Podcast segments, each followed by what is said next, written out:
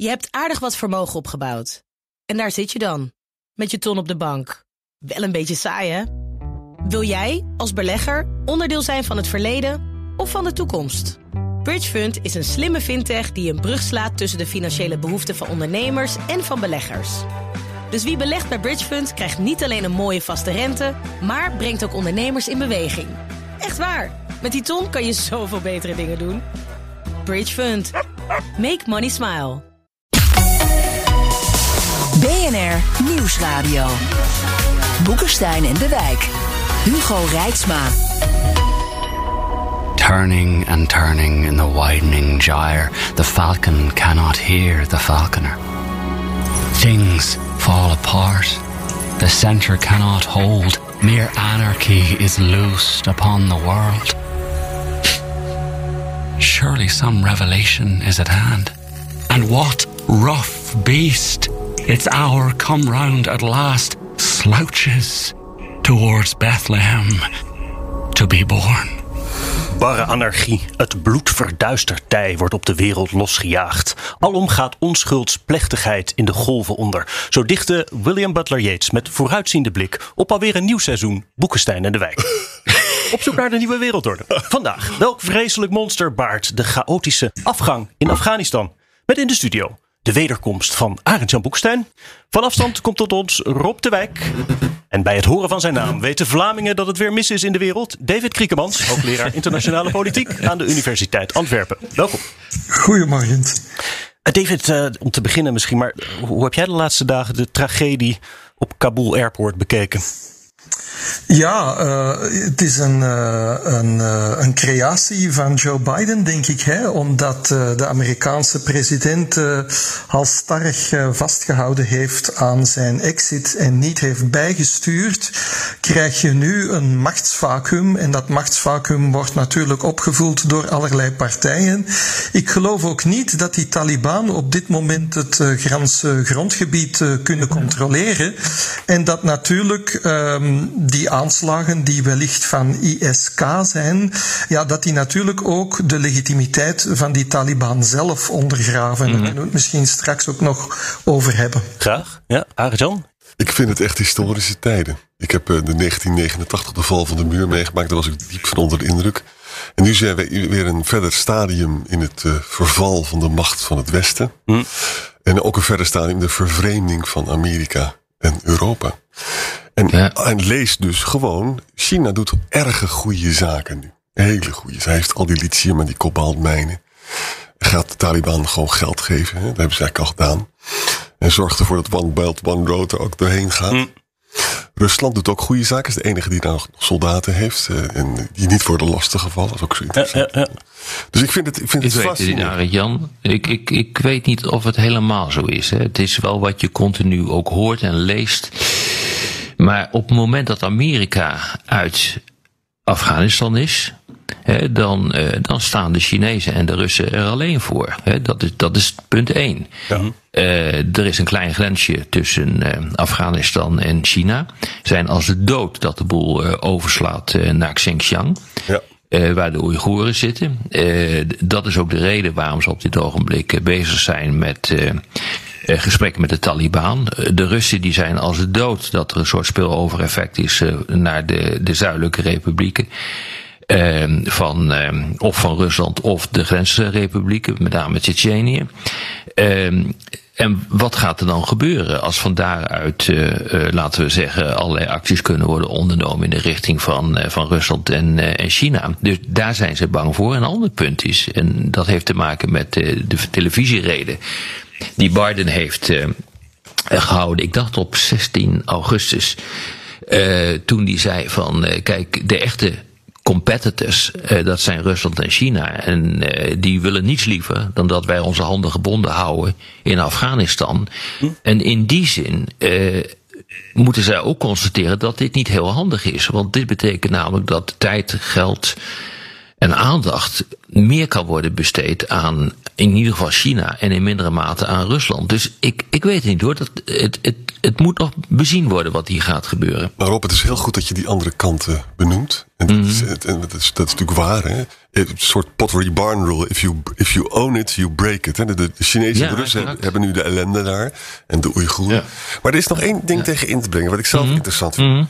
Weet je, de, de situatie in de wereld wordt niet alleen maar bepaald door je militaire slagkracht. Als dat zo zou zijn, dan zou Amerika gewoon gewonnen hebben. Hè? Het gaat ook om de politieke wil om te vechten. Hè?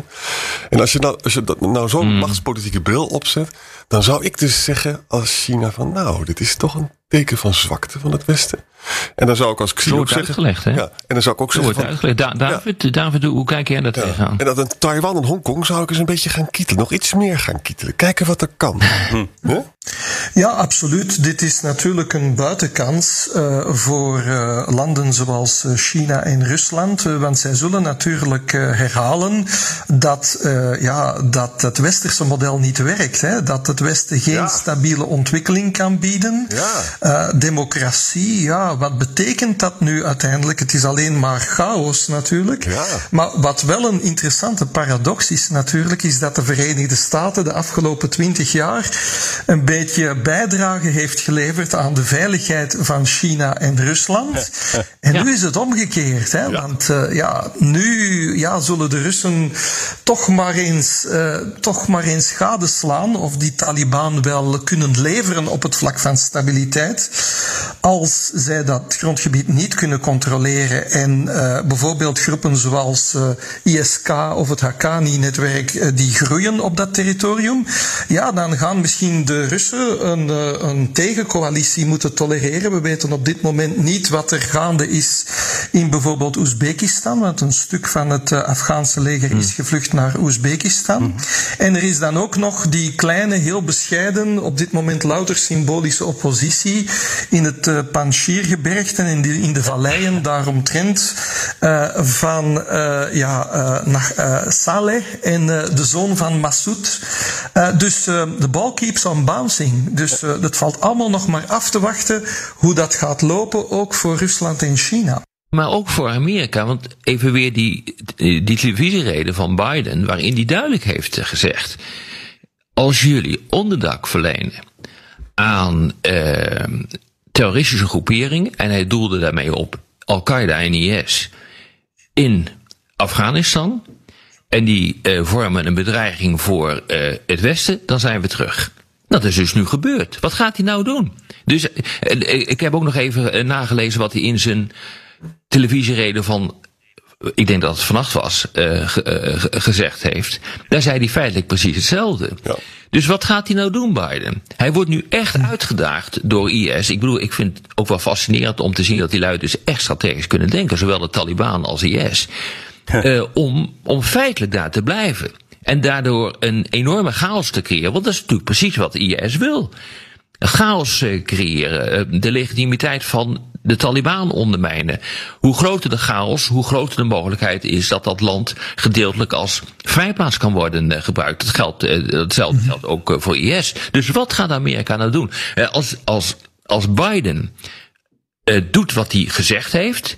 Ja, dan moet hij dus nu blijven. En dan moet hij nu met Special Forces, luchtmacht, weet ik veel wat, drones. En als hij niet doet wat hij gezegd heeft. En als hij niet doet wat hij gezegd heeft, dan toont hij zich zwak. Dat is het mooie. Ja, exact. Exact. Dus ja. hij is nu gewoon, nou, ik wil niet zeggen schaakmat uh, gezet, maar het zit er niet ver vandaan hoor. Dat is heel naar. Hm.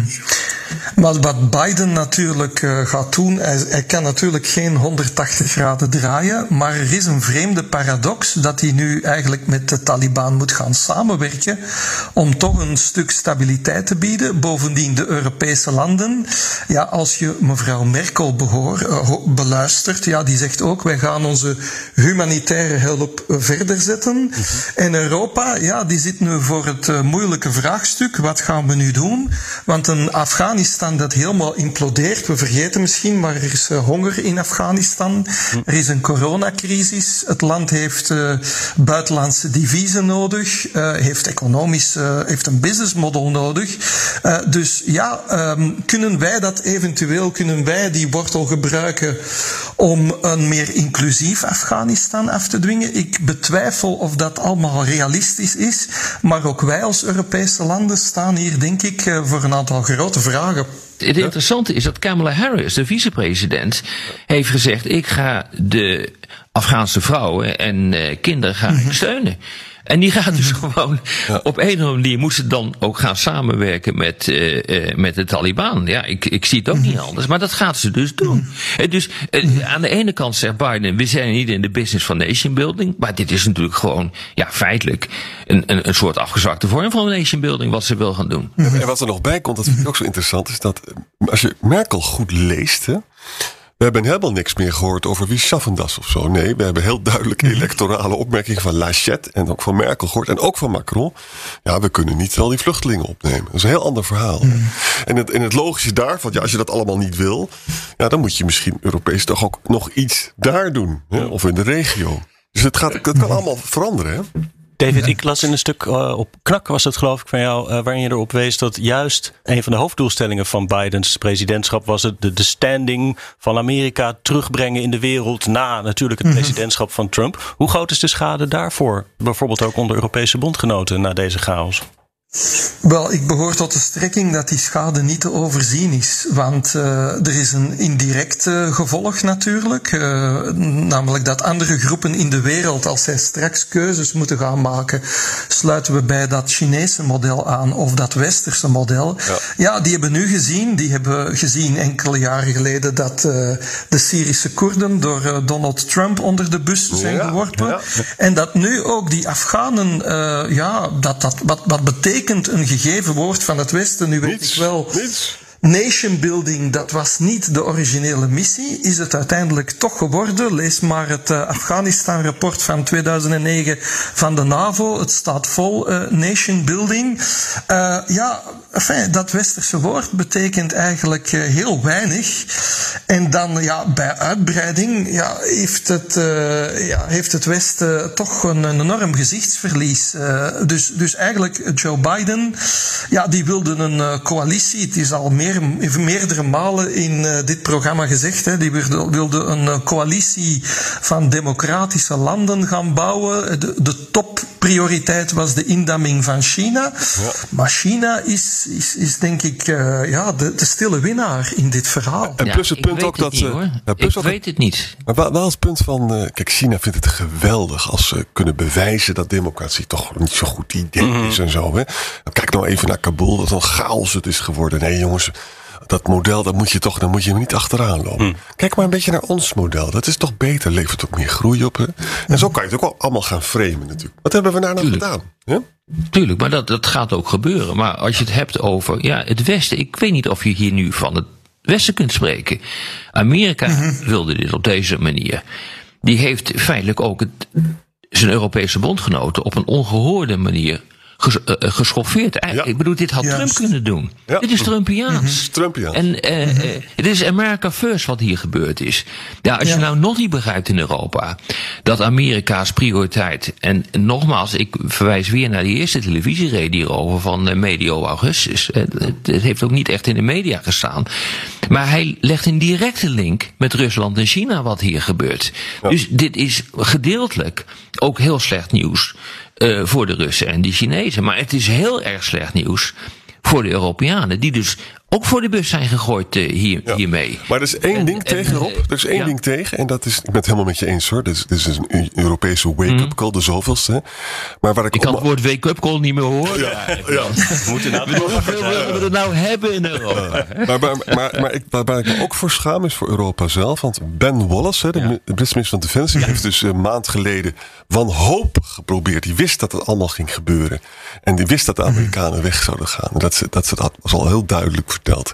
Toen heeft hij gebeld, ik geloof met Merkel en met Macron, te kijken, kunnen we dan zelf nog een paar duizend soldaten om die e- evacuatie goed te regelen?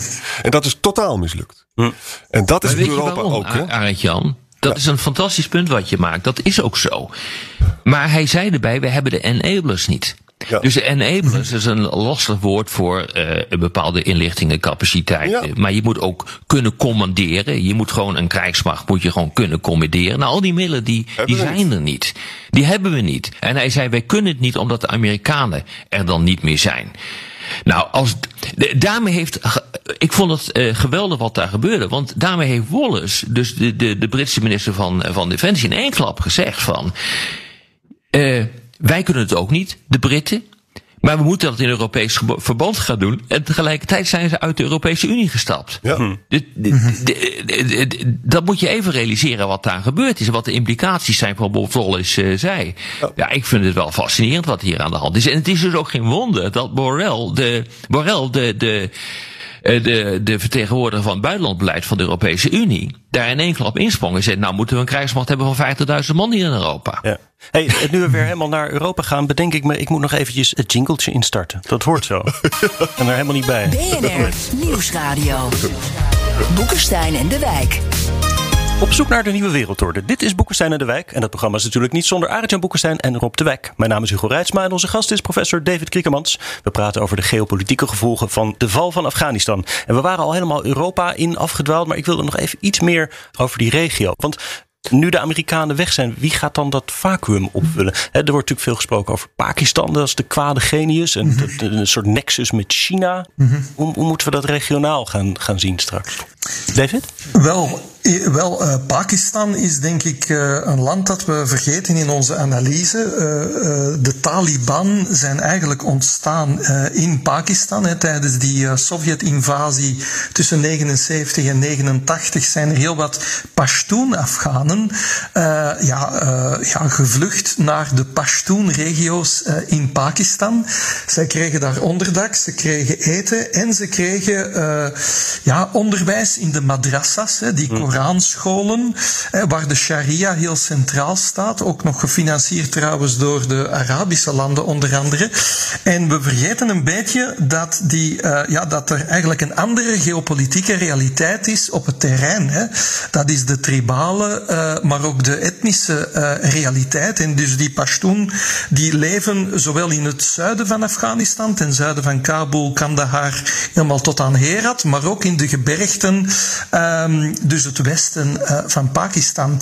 En interessant is dat bij Yalda Hakim op BBC een enige tijd geleden Musharraf, de voormalige Pakistaanse generaal trouwens ook en ja, president hè, of premier was het, eh, dat hij zei van ja, eigenlijk wij hebben altijd wel een destabiliseringspolitiek gevoerd en die Taliban eigenlijk ook deels geïnstrumentaliseerd. Dus Pakistan zit daar toch met twee benen in. De veiligheidselite in Pakistan, denk ik, eh, trouwens ook de premier van Pakistan, de huidige premier, heeft zelfs lovende woorden gesproken over die Taliban-overname. Eh, daar waar het ministerie van Buitenlandse Zaken dan weer zich coöperatief opstelt, bijvoorbeeld ten aanzien van de Europese landen, om te evacueren via Islamabad. Dus dat is denk ik een belangrijke. En als cascade, als gevolg daarvan, is natuurlijk India bijzonder ongerust. Want uh, toen de Taliban aan de macht waren tussen 1996 en 2001, waren er ook problemen in Kashmir. En als je de afgelopen week beluistert hoe India daarop reageert, dan zie je vooral in militaire elites uh, ja, een roep om het creëren van een zogenaamd uh, Fort India en het eventueel onderzoeken om de oppositie te ondersteunen. Dus u ziet dat er daar, een, ja, dat er daar uh, ook regionale machtsstrijd is die ook in Afghanistan gevolgen heeft. Maar wat zou nou het gevolg zijn? Want kijk, uh, die, die, die Taliban, uh, dat is niet een club die zich bezighoudt met het, met het uitvoeren van operaties in het buitenland. He, dat is een mm -hmm. nogal nationalistische beweging. Het is vrij intern uh, gericht. Ze zitten inderdaad ook aan de andere kant van de grens in, in, in Pakistan. Dat heeft natuurlijk gewoon ook historische redenen waarom ze daar zitten. Um, gedeeltelijk passen ze echt binnen het ultraconservatieve gedachtegoed, met name op het platteland. Mm -hmm. Uh, ik denk dat als het alleen maar om de Taliban gaat, dan heb je niet zoveel last van hoor. Die komen niet naar buiten, die houden daar de zaak onder controle. Het wordt een land waar je absoluut niet wil, wil leven. Ik bedoel, het, ja, het is een afgrijzelijk land.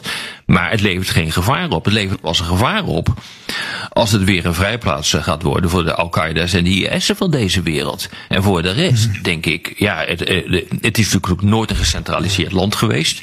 De centrale leiding hield zich eigenlijk alleen maar bezig met het beslechten van conflicten tussen, uh, tussen, tussen, tussen stammen, om het maar even zo, uh, zo te zeggen, en groepen.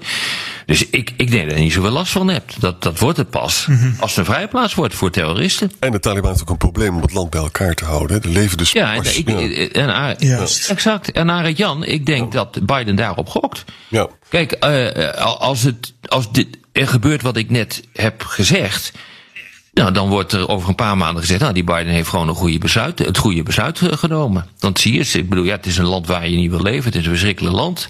Met de sharia en dus, god weet wat ze niet... Ja, oh. maar, maar, voor de rest, ja, het is geen gevaar voor het buitenland, dus uh, ga maar door. Zullen we nog even kort naar die zogenaamde wake-up call voor, uh, voor Europa? De wekker gaat alweer. ja. Worden we nu wakker? Ja, ja, ik bedoel, hoeveel wake-up calls willen we nou eigenlijk hebben? Ik bedoel, we hebben jaar in jaar uit hebben we wake-up calls met betrekking tot het Amerikaanse beleid en de geopolitieke ja. notie die hierachter zit, is natuurlijk gigantisch groot. Ik bedoel, dat, eh, ja, als we het nou nog niet weten, wanneer weten we het dan wel, zou ik, eh, zou ik zo zeggen. David, ben jij daar optimistisch over?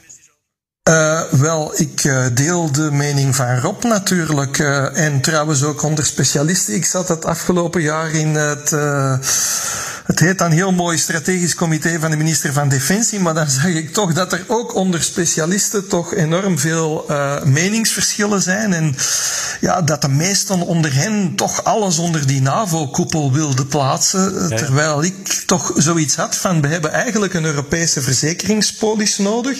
En je hebt, um, je moet eigenlijk ook de planningscapaciteit opbouwen. Je moet de capaciteiten opbouwen, wat erop eerder zei, de enablers. Maar Europa heeft ook een strategische cultuur nodig. En ik vrees een beetje dat we eigenlijk, ja, die wake-up calls zijn wel handig, maar ja, dat vergt toch wel enige jaren vooraleer die Europese landen terug in staat zijn om samen strategisch te denken. En er is een grote kloof tussen de Centraal- en Oost-Europese landen en de West-Europese landen in, in deze. Dus misschien verbrokkelt uiteindelijk die Unie wel door allerlei andere uh, toekomstige crisissen. En moeten we eerder naar, uh, ook naar een kern-Europa-scenario denken. En ik denk dat we maar een beperkte window of opportunity hebben om dat uh, te ontwikkelen voor er nog grotere ongelukken gebeuren. We hebben natuurlijk een verschrikkelijke geschiedenis op dat gebied. Realiseer je dat in twintig jaar geleden hadden we diezelfde discussie. Ja. En dan mhm. wordt het heel technisch, dat zal ik niet worden. Maar toen hadden we de Berlijn Plus arrangementen. Waarbij de Europese Unie gebruik kon maken eh, van de NAVO. Realiseer je dat wij mhm. eh, in bijna twintig jaar geleden een enorme discussie hadden over de zogenaamde Helsinki Headline Goal. Waarbij, interessant mhm. genoeg, de doelstelling was om een Europese krijgsmacht te maken van 60.000 man. Dat is ongeveer precies hetzelfde wat, uh, wat Borrell nu, uh, nu voorstelt. Het is er allemaal. Je kunt, morgen kun je het doen. Wat zeg ik? Je kunt het gewoon nu doen, op dit moment. Als iemand nu op fluitje blaast, dan heb je gewoon dat. Omdat het allemaal nationale eenheden zijn. En die breng je gewoon onder een Europese commando. Dat is geen enkel probleem. Dat is dezelfde arrangementen als binnen NAVO. Het enige wat we missen, dat zijn die enablers. We hebben mhm. geen satellieten. Uh, althans, we hebben geen eh, spionagesatellieten. We hebben geen uh, satellieten voor commandovoering. Uh, we missen drones. We missen, uh, we missen transportcapaciteit. Gewoon al die basale dingen. om een operatie te kunnen doen, die hebben we niet. En daar zit het hele punt in. En ik vind dus dat de Europese Unie heeft 5 miljard gestopt in een defensiefonds. Er is mhm. permanente samenwerking, PESCO-projecten, uh, om de Europese capaciteiten te verbeteren. Je moet volop inzetten in de enablers. Dat is wat je moet doen. Als je dat doet, kun je binnen nu en een paar jaar kun je dat gewoon, uh, kun je dat gewoon doen. Maar je loopt aan, en ja, ik ben benieuwd wat jullie ervan vinden. Je loopt gewoon aan tegen een ideologische discussie. Moet het de NAVO worden of moet het de Europese Unie worden? Het is gewoon pure ideologie die, die echt elke discussie kapot maakt. Op de radio ronden we af, maar in de podcast gaan we door met luisteraarsvragen. Luistert u op de radio, dan verwijs ik naar Apple Podcast, Spotify of boekesteindendewijk.nl. Uh, we beginnen met de vraag van de stofzuiger. Blijkbaar, uh, zegt de stofzuiger, waren de inlichtingendiensten goed op de hoogte van de aankomende aanslag op de luchthaven in Kabul uh, donderdagmiddag. Hoe kan het dat ze de snelle opmars van de Taliban dan niet zagen aankomen? Ja, ik, ik vind dat echt een goede vraag hoor. Ja. Ik, volgens mij is hij wel gezien. kijk, ik, ik, herinner me nog, volgens mij heb ik het ook in dit programma gezegd. toen ik in Moskou was, twee maanden geleden of zo, toen, uh, toen was Karzai daar. En Karzai die, die voorspelde dit scenario. Uh, mm -hmm. En die zei van, uh, als de Amerikanen weg zijn, dan flikkert de boel, dat zijn mijn woorden dan, helemaal in elkaar. En dat komt omdat de Amerikanen de enablers eruit trekken. He, dus yes. die, die, die, er zijn 300.000 man die politie, leger in, in, in Afghanistan, die kunnen dus alleen maar optreden als ze die enablers hebben. En die hebben ze niet. Hè. Dus uh, ze kunnen hartstikke goed vechten. Ik bedoel, dat blijkt ook wel uit de tienduizenden doden die zijn uh, gevallen aan hun uh, kant. Dat is allemaal het punt niet. Maar op het moment dat je die, die enablers eruit trekt, dan klapt het in elkaar. Dan, dan kun je net zo goed naar huis gaan. Nou, dat is wat Karzai toen zei. En die zei, en daarom moeten de Amerikanen blijven. Want we zijn nog niet in staat om zonder de Amerikanen uh, die krijgsmacht tot een effectieve macht om te brengen. Uh, macht in te zetten. Als je kijkt naar de inlichtingenrapporten van juli. Toen werd het ook voorspeld, ook door de Amerikanen. Ja. Uh, dus die, uh, uh, ik, ik denk dat, dat Biden hier gewoon ons een, een rad voor ogen heeft gedragen. En dat neem ik hem, dat neem ik hem zeer kwalijk, dat dat, dat dat gebeurd is. Ik bedoel, dat had ik niet verwacht van een man als, als Biden, eerlijk gezegd. Hij heeft letterlijk gezegd van Kissinger kwam er ook mee weg in, Saigon. het is echt heel kwaad wat hier gebeurt. Hij werd inderdaad, ja, ja. in juli werd er gewoon gezegd tegen hem, ja. dit gaat niet goed, dit gaat snel vallen. En dat heeft hij voor zich gehouden naar Europa toe. Hij heeft helemaal niks gedaan. Hij wist dat gewoon. Hoor. Hij wist dat absoluut. En, en het is, er is... Uh, survival. Een stuk in de survival van een maand, anderhalve maand geleden. Van Anthony Heeft precies ook dit scenario voorspeld. Die zei van die mensen gooien hun wapens weg en uh, die gaan uh, op in, uh, in de massa. Dat is precies wat er gebeurd is. Is niet de eerste keer. is ook gebeurd 2003. Amerikaanse interventie in, in Irak. He, ja. Toen hebben we precies hetzelfde gezien. In één klap was gewoon dat leger verdwenen. Ja, we hebben daar een heel mooi concept voor in de psychologische benadering van de foreign policy analysis, de analyse van het buitenlands beleid, namelijk bewuste misperceptie. Dat is wat uh, ja. Joe ja. Biden heeft gedaan. Hij had een ideologische doelstelling. Hij wilde die absoluut bereiken. Uh, de inlichtingendiensten die mogen dan zoveel rapporten schrijven. Uh, Joe Biden legt die gewoon naast zich neer en maakt de calculatie op basis van binnenlandse politiek dat hem dat goed zou uitkomen. Ja. Um, en dat de, ja, de gevolgen die eventueel bij de geallieerden of lokaal daar zouden zijn, dat dit wel gemanaged kon worden. Maar ja, heeft het, de exit zelf niet gemanaged.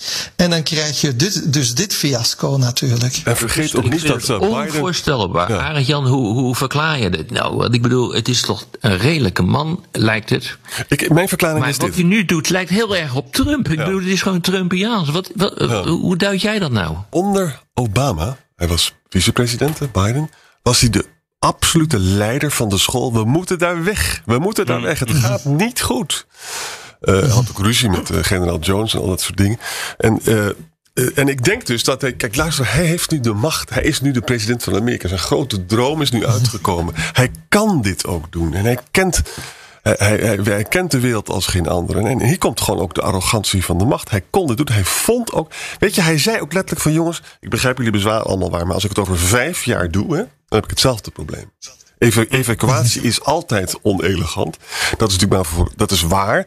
Maar de manier waarop het nu gebeurt is dat je eerst de Amerikaanse troepen weggaat en dan pas gaat even, is natuurlijk belachelijk. Dus daar, daar zijn enorme fouten gemaakt. Maar ik denk dus dat hij echt het al heel lang vindt dat het een één grote deconfiture is waar je gewoon moet wegrennen. Over de mogelijke politieke gevolgen vraag van Laurens. Die vraagt: is dit het Benghazi-moment van Biden? Hm. Bij Benghazi was het dus zo. Dat is ontzettend interessant. De ambassadeur vermoord, ja, hè? Dat ambassadeur is vermoord. Clinton uiteindelijk eindeloos. Uh, ja, en dan probeerde dus de Republikeinen probeerden heel erg te zeggen van. Uh, ja, jullie hebben niks gedaan en zo. Het was, was, was, politiek speelde dat enorm op. Terwijl er ook, ja, het was ook niet zo, het was niet zo makkelijk om Benghazi te voorkomen. Uiteindelijk hebben we eh, voorkomen dat Benghazi eh, in zijn geheel gebombardeerd werd door die. Maar goed, toen, vervolgens hebben wij toen alle fouten gemaakt in Libië die je kon maken door, hmm. Door weer weg te rennen. Nu hebben we een enorme puin in mhm. Libië. Ja, het kan nog erger hoor, want uh, er zijn nog altijd Amerikanen die uh, in Afghanistan uh, aanwezig zijn. Er is een vereniging van veteranen, No One Left Behind, en die hadden al een lijst van 86.000 Afghanen die voor de VS hadden gewerkt. die hadden die klaar met adressen enzovoort. Die zijn naar de Biden-administratie gestapt en Biden heeft dat gewoon naast zich neer, neergelegd. Want die zeiden we moeten maanden op voorhand beginnen met dat proces. Dus dat is toch wel heel opmerkelijk. Uh, misschien heeft de, speelt de leeftijd van de man ook nog wel een uh, rol dat je ja, nieuwe elementen wat minder uh, ja. meeneemt en koppig, koppig gewoon doorzet op uw doel. Ja. Fred Zengers vraagt: uh, veel analisten leggen het Amerikaanse vertrek uit Afghanistan uit als een slecht signaal aan de bondgenoten in de Indo-Pacific. Die zijn misschien wel verbouwereerd over de chaotische manier waarop, maar ze moeten toch een gat in de lucht springen dat de VS dit hoofdstuk eindelijk afsluiten. Ja, nou ja, dat is feitelijk wat ik ook heb gezegd. Ik, eh, de, de Russen en de Chinezen die zeggen van, nu zie je wel. En uh, Xi heeft al gezegd, de doodsklok voor het Westen heeft geklonken. Ik, ik ben daar niet mee eens. Ik denk dat, uh, ik denk dat uh, je ziet, dit is onvermijdelijk het gevolg van de grote geopolitieke veranderingen die er zijn uh, geweest. Dit is een laatste soort operatie die nog mogelijk was onder het oude tijdsgewricht. Voor dit soort operaties krijg je nooit meer ehm, het groene licht binnen de VN-veiligheidsraad, om maar eens wat te noemen. De Chinezen en de Russen zullen dit blokkeren. Dus wat je ziet, en dat zien we al een hele tijd gebeuren, is dat als er militaire operaties zijn, dan wordt dat keihard gekoppeld aan je vitale belangen die op het spel eh, staan. En dat was in Afghanistan feitelijk niet meer het geval voor de Amerikanen. Dus het is een vrij logische ontwikkeling, dit. En dat is op zich is dat slecht nieuws voor uh, de Russen en de Chinezen. Omdat ja, daarmee de Amerikanen gewoon veel meer tijd, geld, mogelijkheden hebben om zich te concentreren op die nieuwe uh, uh, competitie tussen de grootmachten. dat is hoe ik het zie. En ik, ik, ja, ik heb tot nu toe nog geen overtuigende argumenten gehoord dat dat anders zou moeten zijn. En dat is ook precies wat Biden heeft gezegd en wat hij ziet. Maar het kan ook leiden tot nog meer Amerikaanse terugtrekking. Het kan ook leiden tot de gedachte van, nou, dit soort missies moet je natuurlijk gewoon helemaal niet doen. Dat kan leiden tot bezuiniging op krijgsmacht of lees niet meer uh, Europees geld naar, naartoe. We hebben al zo weinig, maar dan dat ook niet. En dan komen we in een wereld waar ik me ook ongelukkig in voel. Omdat het namelijk, als je interveent, you are doomed. If you don't intervene, It doesn't bring your paradise. Hè? Denk dus, nee, maar je gaat terug naar de Koude Oorlog, uh, ja. Jan. Ik bedoel, collectieve defensie wordt weer, uh, weer belangrijker. En, uh, die wordt nu, en de NAVO, de bestaansrecht van de NAVO gaat nu gekoppeld worden. Niet aan Afghanistan, maar aan de bereidheid van de Europeanen. Of ze iets willen doen met de Amerikanen in Azië. Dat gaat gewoon gebeuren. Ja. Dat kan bijna niet anders. Ja. Herman van Eimeren. oh ja, sorry David? Ja, langs de andere zijde, ja, nog een ander gevolg is natuurlijk, is dat uh, vooral Eurasië geopolitiek gaat herconfigureren natuurlijk. Hmm. En dat is denk ik op de langere termijn slecht nieuws voor, uh, voor de Europeanen. Ja. En voor de Russen en voor de Chinezen. Juist. Uh, want, Die, want, want die, die moet, nou niet voor de Europeanen, denk ik, uh, voor de Amerikanen, maar ook, maar met name voor die Chinezen, voor de Russen. Want het is hun regio, het is hun achtertuin. Zij moeten er orde op zaken stellen. Europeanen, wat maakt het ons nou eigenlijk uit? Ik bedoel, hier komen we wel overeen, als ik het even heel cru mag, uh, mag zeggen.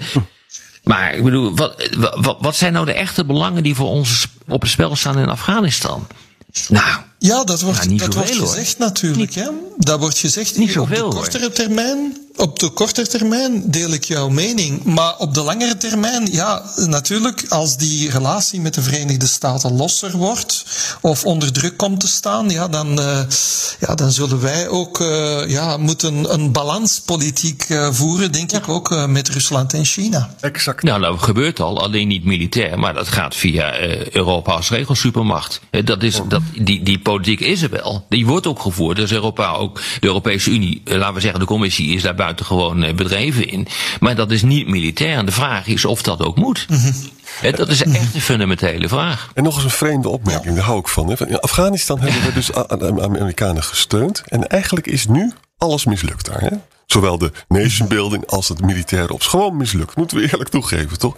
Nou, nu gaan we dus, dat willen veel mensen, dan gaan we dus Amerika steunen in de Zuid-Chinese Zee. Stel je voor dat we daar ook onder, onder Amerikaanse condities in een oorlog verzeild te raken die niet zo heel veel zin heeft.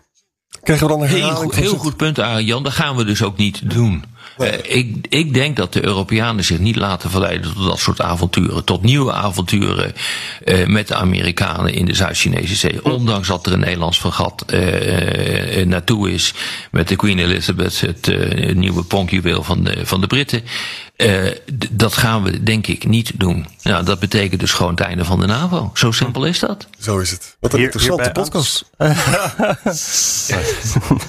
Nog een vraag van Parasipridox. Die zegt na het echec van Srebrenica en de demaskee in Afghanistan... moeten we onze bijdrage aan interventies opschorten...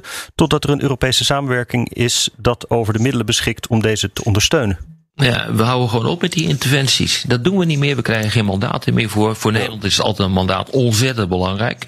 Dat je dat hebt, want er moet een juridische onderbouwing uh, voor zijn. Nee, het enige wat je nog uh, kan gaan. Nee, je krijgt een scheidslijn tussen harde interventies als je belangen op het uh, spel staan en collectieve defensie tegen een grote boze vijand. En relatief simpele vredesoperaties onder VN-mandaat. dat is wat je gaat krijgen. En dat doen de Chinezen ook aan mee. Dat zijn inmiddels eh, de grootste leveranciers van, eh, van peacekeepers in, eh, in de wereld. je krijgt een, een polarisatie wat betreft het soort inzet. Ja. Dit is ook het uh, failliet van de top-down militaire inzet. Hè. Eerder is al uh, Libië aangehaald, onder andere Irak, uh, Afghanistan.